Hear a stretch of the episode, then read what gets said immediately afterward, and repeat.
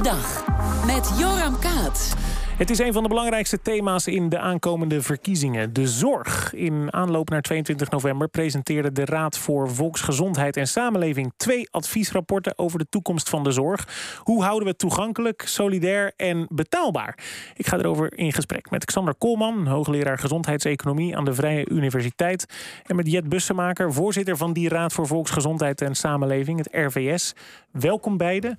Mevrouw Bussemaker, de zorg dreigt eh, onbetaalbaar te worden. Dat, dat weten we inmiddels, dat horen we veel. Wat zijn daar de voornaamste oorzaken van? Nou, dat is het uh, feit dat we uh, ouder worden, dat meer mensen zorg nodig uh, hebben. Ehm, dat er in de kwaliteitsproductie eigenlijk we alles toestaan wat ook maar een kleine verbetering van kwaliteit uh, oplevert. Ook als het niet altijd bijdraagt aan kwaliteit van leven. Maar wat ik heel belangrijk vind, ik vind die financiële kosten belangrijk. Maar uh, wat wij zeggen, dat is maar één van de publieke waarden van de zorg. Die andere gaat over kwaliteit en mhm. toegankelijkheid. Mm -hmm. En met name die balans is niet uh, goed. Dus ik vind eigenlijk toegankelijkheid op het moment nog een groter ja. probleem. Het gaat te vaak over de, over de financiën en het zou meer moeten gaan over die toegankelijkheid. U signaleert verschillende knelpunten. Heel kort hoor, want het is best een technisch uh, rapport voor mij in ieder geval toen ik het las. Maar wat valt u op? Wat zijn die knelpunten in de zorg? Nou ja, toch eigenlijk dat uh, sommige mensen die zorg nodig hebben het niet krijgen. Die kwetsbaar zijn. Uh, denk aan mensen die kwetsbare ouderen, jongeren met problemen op meervoudig vlak. Mensen met ernstige psychiatrische problemen. Die krijgen eigenlijk te weinig zorg. Hoe komt dat? Omdat uh, de systemen zo zijn uh, ingericht dat het vooral interessant is om mensen die snel weer klaar zijn te behandelen. Okay. Omdat um, men um, uh, met het systeem zo ingewikkeld is geworden. Hè, u zegt dat terecht, dat burgers het ook niet meer kunnen volgen. Als ja. je oud, ouder bent en je woont thuis, dan heb je met, in de zorg alleen al met drie regelingen en wetten te maken en vast nog heel veel meer. Het is moeilijk. Ja. Dus het is heel ingewikkeld geworden. We hebben een personeelstekort, dat is ook een heel groot probleem. En we hebben dus ook mensen die misschien wel zorg krijgen die het eigenlijk niet nodig hebben en okay. niet altijd leidt tot kwaliteit van, uh, van leven. Dus die zorg gaat dan naar de verschillende me mensen, of verkeerde mensen. Meneer Kolman, u verdiept zich als econoom in deze materie. Herkent u deze problemen? Ja, ik vind dat de problemen die wij hebben in het zorgstelsel goed beschreven zijn in dat rapport. Oké. Okay. En ik raad ook eigenlijk iedereen aan om, om uh, die probleemanalyse uh, en, en ook de problemen die daaruit voortvloeien uit het rapport ook te lezen. Want het is goed beschreven. En ik denk dat dat uh, ons. Ja, dat zijn, de, dat zijn de agendapunten voor de zorg de komende ja. periode. De probleemanalyse is dus goed, mevrouw Bussemaker. Uh, dan wordt gepleit in het rapport voor meer solidariteit. bijvoorbeeld door een hogere inkomensafhankelijke bijdrage in te voeren. minder concurrentie tussen bijvoorbeeld huisartsen. Gaat dat zorgen voor meer toegankelijkheid? Ja, kijk, die toegankelijkheid um, zie je nu dat mensen die uh, veel verschillende problemen hebben, ofwel op zorgterrein, dat die ook heel veel eigen bijdrage betalen. En dat is een steeds groter deel van hun inkomen. Nou, het zorgstelsel had ook ooit in de bedoeling om de solidariteit tussen ziek en gezond te waarborgen. Wij zeggen dat gaat nu uh, niet goed. We zien nu dat 10% van de mensen ongeveer al zorgmeider uh, is. Die gaan en niet meer naar de huisarts toe? Die gaan niet meer naar de huisarts, terwijl de huisarts wel vergoed wordt. Maar ze denken toch van ik weet maar nooit of dat zo gaat. Oké, okay, dus die, die zorgpremie nu, verlagen? Ja, wat het is, wij, wij, zeggen ook eigenlijk de financiering zoals die nu gaat werkt niet. Want mensen die, het wordt te ingewikkeld. Mensen die een zorgtoeslag krijgen, daar is te veel onzekerheid. Het probleem met de toeslagen die we ook elders uh, kennen. Dus we moeten dat anders organiseren. Ja. En de richting die wij aangeven is verlaag de nominale premie. Dus de premie die iedereen betaalt. Verhoog de inkomensafhankelijke premie. En vooral wat heel belangrijk is, hou op met die zorgtoeslag. Want Juist. we weten van de problemen met toeslagen. Die creëren heel veel onzekerheid. En, en daarmee leidt het tot nog meer zorgmeiders. Rigoureuze maatregelen stelt u dus voor, meneer Koolman. U zegt net al, die, die probleemanalyse die is goed. Nu gaan we dus naar, naar oplossingen, naar, naar voorstellen. U bent expert op dit gebied. Gaat dit de kwaliteit en de toegankelijkheid verbeteren? Wat hier wordt uh, voorgesteld? Nou, eigenlijk uh, was het een voorstel wat ik notabene zelf ooit gedaan heb. Uh, oh. in, ja, lang geleden. bent blij? U denkt nee, eindelijk. nee, ja, nou, dat, dat gaat een beetje te snel. en het argument wat ik tegenkreeg toen was van het CDA en VVD. Uh, die zeiden nou, als wij uh, niet meer de, norm, de, de, nominale premie, wat, als we die gaan verlagen, dan is niet meer zichtbaar voor de burger hoe duur de zorg is.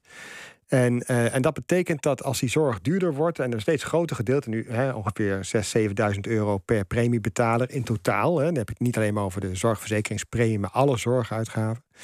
Nou ja, dan is, het, dan, dan is het wel goed dat mensen zien hoeveel dat kost, zodat mensen ook daar hun voorkeuren op kunnen aanpassen. En niet veronderstellen dat alles maar gratis is. Oké, dus gaat het de toegankelijkheid van de zorg verbeteren? Ja. Maar... Nee, nee, nee, stop, stop. Dat is eigenlijk. Eh, dus die, die maatregelen die we nu hebben, die maken het uh, wel complex, hè, zoals mevrouw uh, Busmaker ook aangeeft. Maar in principe is er wel een, een inkomenssolidariteit hè, via die complexe zorgtoeslag en de inkomensafhankelijke premies die we al hebben. En dit, dit hele complexe systeem is eigenlijk vooral opgezet om aan de burger duidelijk te maken dat zorg niet gratis is. En ik heb de afgelopen jaren wel geleerd dat dat inderdaad enige waarde heeft. Oké, mevrouw Bussemaker, ja, wil u daarvan af? Nee, ja, het probleem dat burgers vaak niet weten hoe duur de zorg is en wat er allemaal omgaat, daar ben ik het helemaal mee eens. Dat is een heel groot probleem. Uh, mensen vinden ook altijd dat de zorgpremie uh, niet uh, omhoog mag, maar men heeft geen flauw idee wat men bijvoorbeeld via de belastingen op een andere manier, onder andere aan de langdurige zorg okay. betaalt. Dus het werkt niet eigenlijk voor dus het doel? Ik, ik vind dat het daar niet werkt. Ik vind hm. dat we met elkaar echt dialoog moeten hebben in Nederland. Hoe je ook bewust kan zijn van kosten. Dan zou ik ook het bewustzijn van kosten in verhouding tot uh, kwaliteit en toegankelijkheid willen meten. Want ik zie ook dat er bijvoorbeeld heel veel dure medicijnen zijn. Denk aan uh, medicijnen tegen kanker. Ja. Nou, die zijn vertienvoudigd, geloof ik, afgelopen jaren. Terwijl die nauwelijks hebben bijgedragen aan de kwaliteit van leven. En dus stelt dus u die daar hervorming... moet je dan de discussie over voeren. Ja, dus stelt u die hervormingen voor minder concurrentie, meer toegankelijkheid, uh, ook duurdere zorg. Meneer Koolman, is het niet aan de politiek om dit te beslissen? Nou, uh, een, van de analyses in het rapport is dat heel veel van de problemen die we zien eigenlijk ontstaan omdat er een te grote nadruk is op die betaalbaarheid. Zeg ik het goed? Ja. ja. ja. En, uh, en, en die, dat zie ik, dat, die, dat herken ik ook, hè, omdat ik veel met deze, partij, deze mensen spreek die dit beleid maken.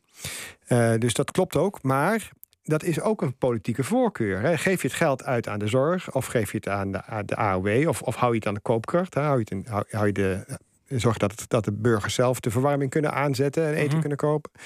Nou, en daar zitten wat uh, verschillen van politieke uh, voorkeuren in. Ja, dus bijvoorbeeld als je zegt, want dat staat ook in het rapport, mantelzorgers moeten betaald worden, dat kost geld. En dan zegt ja. u, daar zit dus een politieke keuze in. Nou, het gros, het gros van de voorstellen in het rapport kost geld. En dat, en dat is misschien goed besteed, maar dat hangt af van je politieke voorkeur. Mevrouw Bussemaker, u bent voorzitter van een uh, objectief adviesorgaan. Gaat u eigenlijk niet te veel dan op de stoel van de politiek zitten? U lacht. Uh, ja, nee, omdat ik het een heel makkelijk verwijt uh, vind. En de politiek moet vooral doen waar zij goed in zijn, de echte keuzes maken. Dus laten we dat voorbeeld van die premiebetaling nog even nemen.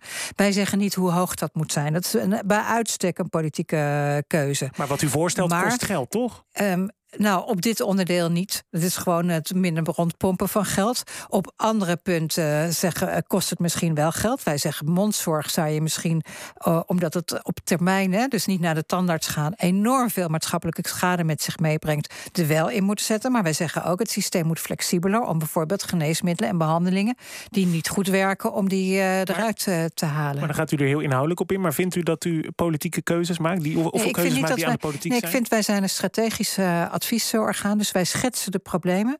Wij schetsen de richtingen waarin je kan denken als je daar een oplossing voor wil uh, geven. Ja, en of je dat wil en op welke manier. Natuurlijk is dat uiteindelijk een politieke keuze. Maar ik hoop dat daar dan ook een, een, een goed en zorgvuldig politiek, maar vooral ook maatschappelijk debat ja, over Meneer Koolman, makkelijk verwijt van u. Makkelijk verwijt. Ja, ik, ik denk dat die, uh, die keuze om heel erg te sturen op de beheersbetaalbaarheid, dat is echt wat mij betreft toch een politieke keuze. Welke partijen? Uh, toen ook centrumrechtse partijen die typisch ook in Nederland aan de macht zijn, die hebben dat de afgelopen jaren steeds gedaan eigenlijk. En, uh, en ook de oplossingen die de Raad voorstelt, daar zit ook wel een politieke inslag in. In die zin dat je kan, het op, je kan de problemen die we allemaal herkennen oplossen via de markt en via het stelsel zoals het nu is. En je kan zeggen nee, we gaan uh, ook het stelsel zelf veranderen en de overheid een meer directe rol geven. En ik denk ook dat daar in het politieke spectrum verschillen van visies zijn. En dat het rapport heel duidelijk een uitspraak doet om de overheid zeg maar, meer direct die verantwoordelijkheid te laten waarmaken. Terwijl je bijvoorbeeld ook zou kunnen zeggen: laten we de markt zoals die is bedoeld ook ja. functioneren door bijvoorbeeld de NZA meer actief te laten toezicht houden op maar Wat moeten we nou met dit rapport, meneer Koolman? Ja. Wat moeten we nou met dit rapport? Nou, lezen. Ja, oké, okay, maar ja. meer niet. Uh, en ik denk dat het, uh, dat het kan helpen om de geest te scherpen. Maar ik denk dat het voor de rechtsconservatieve partijen weinig oplossingen biedt voor de problemen die wij wel allemaal herkennen. Oké, okay, mevrouw Bussemaker, uh, PvdA, uw partij. Uh, ja, kijk, ja, daarom zeg ik toch. Voelt het niet dubbel dan om met een rapport te komen waarin uh, nee, ik ben voorzitter die van een, daar breed worden geduwd? Ik ben voorzitter van een onafhankelijke adviesraad. Die bestaat uit tien leden. Ik ben daar één van. En de andere negen hebben hele andere achtergronden. Uh, een van de mensen die heeft meegewerkt, heeft bijvoorbeeld een achtergrond onder andere bij een zorgverzekeraar. We hebben hier heel uitgebreid met mensen over gesproken, ook van de NZA en de ACM. Ik constateer dat juist in het veld, op de, in de richting, mhm. heel erg veel overeenkomsten zijn. En het is ook niet zo dat wij bijvoorbeeld zeggen dat de concurrentie niet meer mag. Nou, ik ben daar op een heleboel punten werkt dat goed. Waar het niet werkt, is waar je korte lijnen nodig hebt, bijvoorbeeld tussen huisartsen, wijkverpleging en maatschappelijk werk. U zegt wij hebben daar gewoon moet echt iets uh, objectief advies uitgebracht. Dat is de taken die hebben we voltooid. Ik dank jullie voor dit gesprek. Uh, Xander Koolman, hoogleraar gezondheidseconomie en uh, voorzitter van de Raad voor Volksgezondheid en Samenleving, Jet Bussemaker.